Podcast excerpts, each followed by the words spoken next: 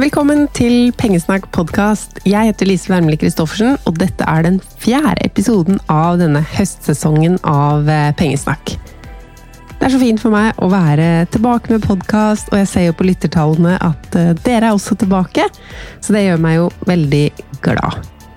Takk til dere som legger igjen stjerner i podkastappen og kommentarer. Også deg som sa at det blei litt for mye Lise og pengesnakk som business-fokus. Det er jo en balanse jeg prøver å holde. Altså, jeg prøver å svare ut de tingene jeg ofte får spørsmål om. Og hvordan jeg tjener penger, er jo nettopp en ting mange lurer på. Men helt klart en balanse, så takk for innspill på det. Noen episoder handler jo om meg og min økonomi. Det kommer det til å fortsette å gjøre, for det er liksom litt av greia med pengesnakk, at jeg snakker ut fra mitt utgangspunkt. Jeg som ikke-økonom. Hvordan styrer jeg mine penger? Hva slags smarte ting har jeg gjort eller hørt om penger som jeg vil dele videre med dere? Og nå har det jo blitt enklere å ha litt gjester igjen, så dere kommer til å møte flere gjester i eh, denne sesongen. Forrige uke var jo Lene Drange på besøk, og det kommer flere spennende gjester, så det gleder jeg meg til å dele med dere. Det er fint å også få andres perspektiv på penger. Enten de er eksperter på noe innen økonomi, eller de er holdt på å si et vanlig menneske, men et menneske som ikke har sin bakgrunn innen økonomi. Hvordan tenker de på penger? Har de noen smarte tips som vi kan dele videre? I dagens episode så skal vi snakke om deg og ditt forbruk. Og ta litt sånn temperaturen på Altså, jeg skal ikke lære deg noe i dag, men hvis du gjør de oppgavene jeg skal gi deg nå, så kan dette bli den mest lærerike Pengesnakk podkast-episoden for deg noensinne. Det var bra innsalg. Eh, I løpet av den neste måneden så kan du finne ut om du bruker pengene dine riktig. Og jeg mener ikke sånn riktig som at det er en eh, regelbok for livet som sier hva som er rett og galt. Fordi en sånn regelbok, det finnes ikke. Men mange av oss lever som om det finnes. At vi skal gjøre sånn og bør gjøre sånn. Men livet er jo faktisk mer fleksibelt enn det. Du kan gjøre nesten hva du vil. Og det er ingen som Altså, om du har lyst til å bruke en hel søndag på å se på YouTube eller Netflix, det er vel fint? Hvem er det som sier at det er feil bruk av tid? Om du vil spise middag til frokost eller yoghurt til middag ditt valg. Og litt sidespor, men samtidig ikke helt, fordi det jeg skal snakke om i dag, er hvordan du kan sikre, eller iallfall sjekke, få noen aha-opplevelser, finne ut om du lever det livet du vil leve. Om pengebruken din speiler dine faktiske ønsker og mål. Og det kommer jo fra min egen realisasjon, heter det det? Altså, jeg satt en dag og tenkte på hvorfor har vi det så stygt hjemme? Som mange av dere vet, så bor jeg i et hus som kosta 14 millioner kroner. Jeg har invitert mannen min Tom til podkasten for å snakke litt om hvordan vi to sammen fikk råd til det. Så jeg håper han sier ja, for det er en ting jeg får spørsmål om av og til. Men at man tenker kanskje da at det ser dritfint ut i det huset. Og vi elska huset da vi kjøpte det, eller da vi overtok det. Eh, eller vi elsker det jo fortsatt. Planløsninga er super i de rommene som vi bruker mest. Det er et ganske lite hus. Alt er jo relativt, men eh, vi har fem soverom og to bad, så planløsningen er ja, optimal, vil jeg si. Det var det vi var veldig opptatt av da vi skulle velge oss en bolig. Fordi vi hadde utrolig dårlig planløsning i der vi bodde før. Eh, men Tom elsker jo å pusse opp, og vi la mange planer for hva vi vil gjøre med huset sånn med en gang, og på sikt. Så jeg skal ikke skryte på meg at jeg har pussa opp så mye, men Tom har gjort utrolig mye allerede.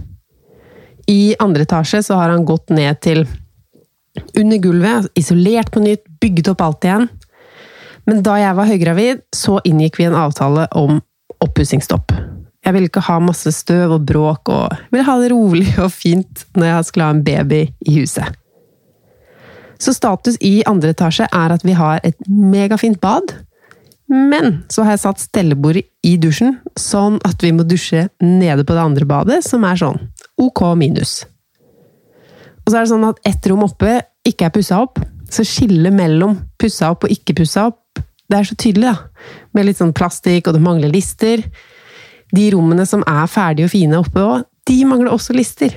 Så det er litt sånn halvveis, og nede hvor vi egentlig ikke har pussa opp, så har vi allerede begynt å gjøre noen ting. For eksempel dra av de gamle radiatorene. Og bak der er det jo kanskje en annen farge, eller bare treverk. Så det ser ikke fint ut, eller det er så halvveis. Uansett. Husker du Verdikompasset? Hvis du har lest boka mi, eller vært på et foredrag med meg, eh, eller har fulgt med på podkasten lenge, så har du kanskje til og med fylt i ditt eget verdikompass. Verdikompasset det handler om å sette i system hva man prioriterer, og hva man prioriterer bort for å få muligheten til å prioritere det man prioriterer, og også um, raskere nå sine mål. Fordi de store målene er også en del av verdikompasset, sammen med spørsmålet 'Hvor mye er nok?' Og i mitt verdikompass så står det 'Bo fint'. Det er noe jeg prioriterer. Og så sitter jeg her og irriterer meg over at jeg bor så stygt. Det er så halvveis. Jeg vil ha lister, jeg vil ha tapeter. Nå vil jeg ha det fint. Jeg vil ikke ha det sånn at hver gang jeg kommer inn, så ser jeg rett i en trapp som er skille mellom pussa opp og ikke pussa opp, og det er liksom plastikk og Ja. Jeg er lei av det. Og det sier meg jo at prioriteringen å bo fint, det er riktig for meg. Det er viktig for meg, og et ønske jeg har om å bo fint. Viktigere enn å reise på ferie eller konserter. Så det er litt utgangspunktet for denne episoden, og den oppgaven som jeg vil at du skal gjøre med meg. Å se hva vi gjør, og bruke pengene våre, tiden vår på, mot det vi sier at vi egentlig vil gjøre og ønsker å ha det. Jeg skal snakke litt mer om verdikompasset om en liten stund, men først vil jeg dra fram et annet eh, pengesnakkverktøy, om man kan kalle det det. Og det er forbruksliste. Jeg har jo forskjellige sånne skjemaer du kan skrive ut på nettsiden min. Eh, det mest populære er det med selge 100. Utfordringen om å selge ting du ikke trenger hjemmefra, for å få inn litt ekstra cash ut med rot.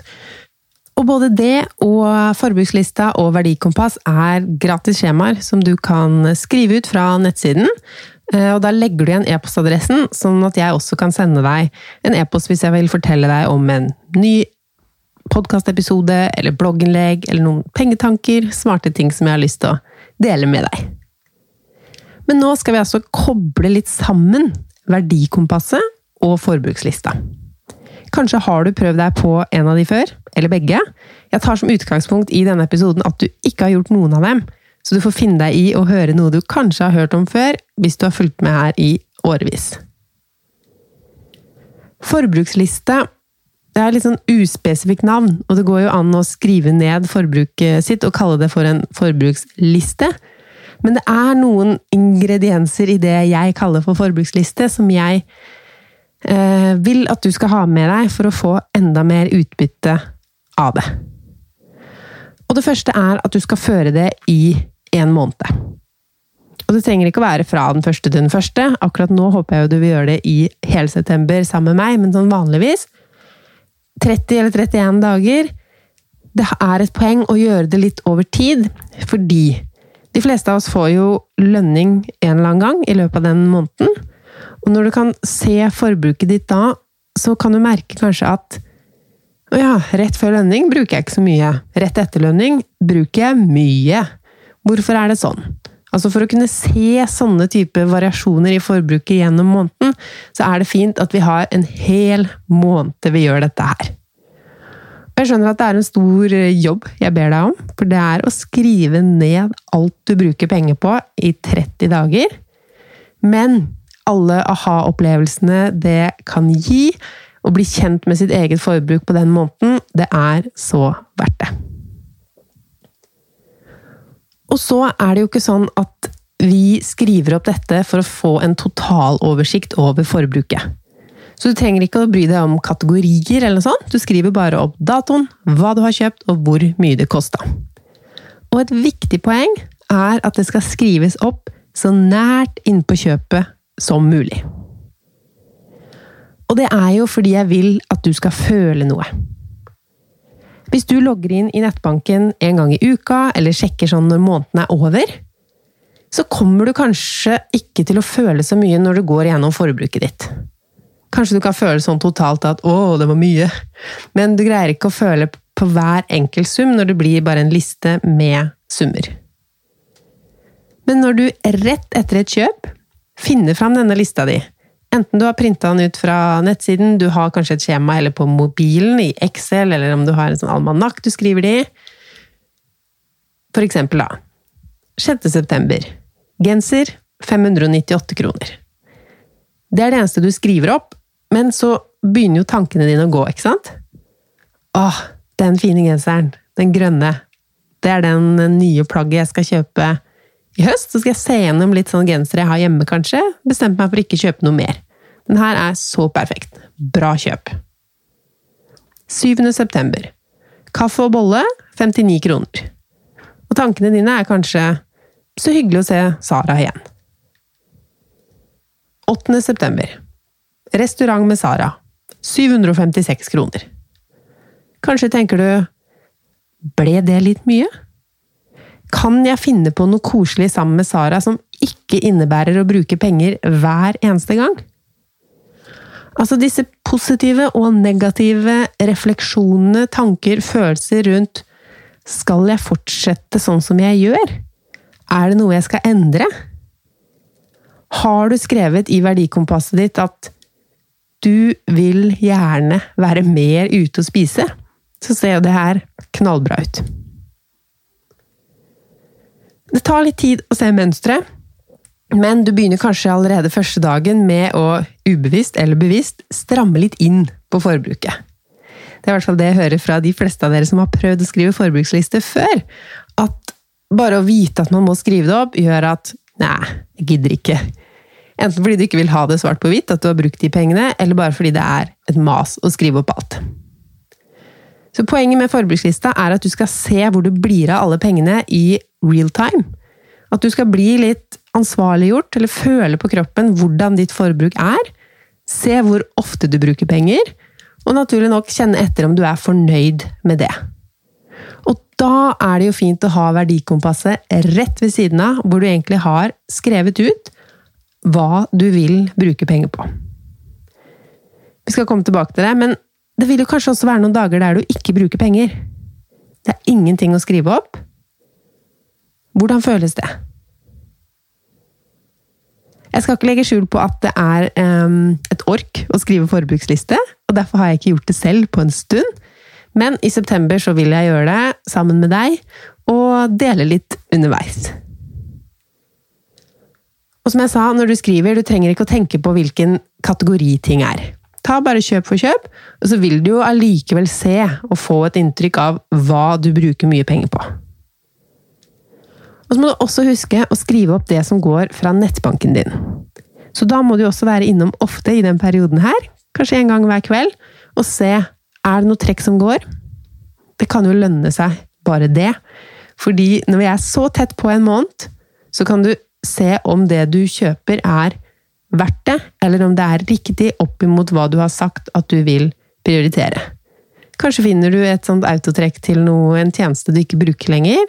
Et eller annet app som du har kjøpt som det fortsatt går 59 kroner i måneden uten at du bruker den tjenesten lenger. Da er det jo bare å avbestille, og lurt å sjekke, altså. Men la oss ta en titt i verdikompasset ditt. Hvis du nå er ute og går eller kjører bil, så kan du begynne bare å tenke på dine verdier. Hvis du har penn og papir, så kan du begynne å skrive ned. For vi skal ha et ark med fire ruter. Som sagt, du kan skrive det ut fra nettsiden min, men det er enkelt å lage det selv også. De skal jo bare ha så store ruter som mulig. Så sett en strek over midten av arket, og så en strek andre veien, sånn at det blir et kryss. Og da har du fire ruter. Nå skal vi få målene våre og prioriteringene våre ned på papiret. For det vil hjelpe oss å ta økonomiske avgjørelser. Og også å se i ettertid var det jeg brukte penger på, det som står her. Den første ruta den handler om hva du prioriterer. Eller hva du nå vil prioritere framover. Og om du fyller i én ting eller 13 ting, det spiller egentlig ikke noen rolle. Det er her, er som jeg har skrevet bolig, oppussing. Det er greit for meg å bruke penger på det, fordi jeg vil ha det fint hjemme. Og for din del så kan det hende det er hund, eller kunst, forskjellige kurs, bøker, garn, strikke, sybøker, ting. Det kan være restaurantbesøk, musikk, hva som helst. Det du gjerne vil bruke penger på for å leve det livet som du ønsker deg. Så i rute to så er det et vel så viktig spørsmål hva prioriterer du ikke? Altså, hva er det du prioriterer bort for å kunne få til mer av det du prioriterer? Hos meg så er det nye klær, restaurantbesøk, kjønnhet og sånne behandlinger, um, hudpleie, frisør, negler, vipper, alt det der. Um, dyre viner, ikke så opptatt av. Magasiner, reiser, uh, dingser. Jeg kunne sikkert fortsatt. Det er ganske masse sånn forbruksting som jeg har funnet ut av Jeg har det bedre uten.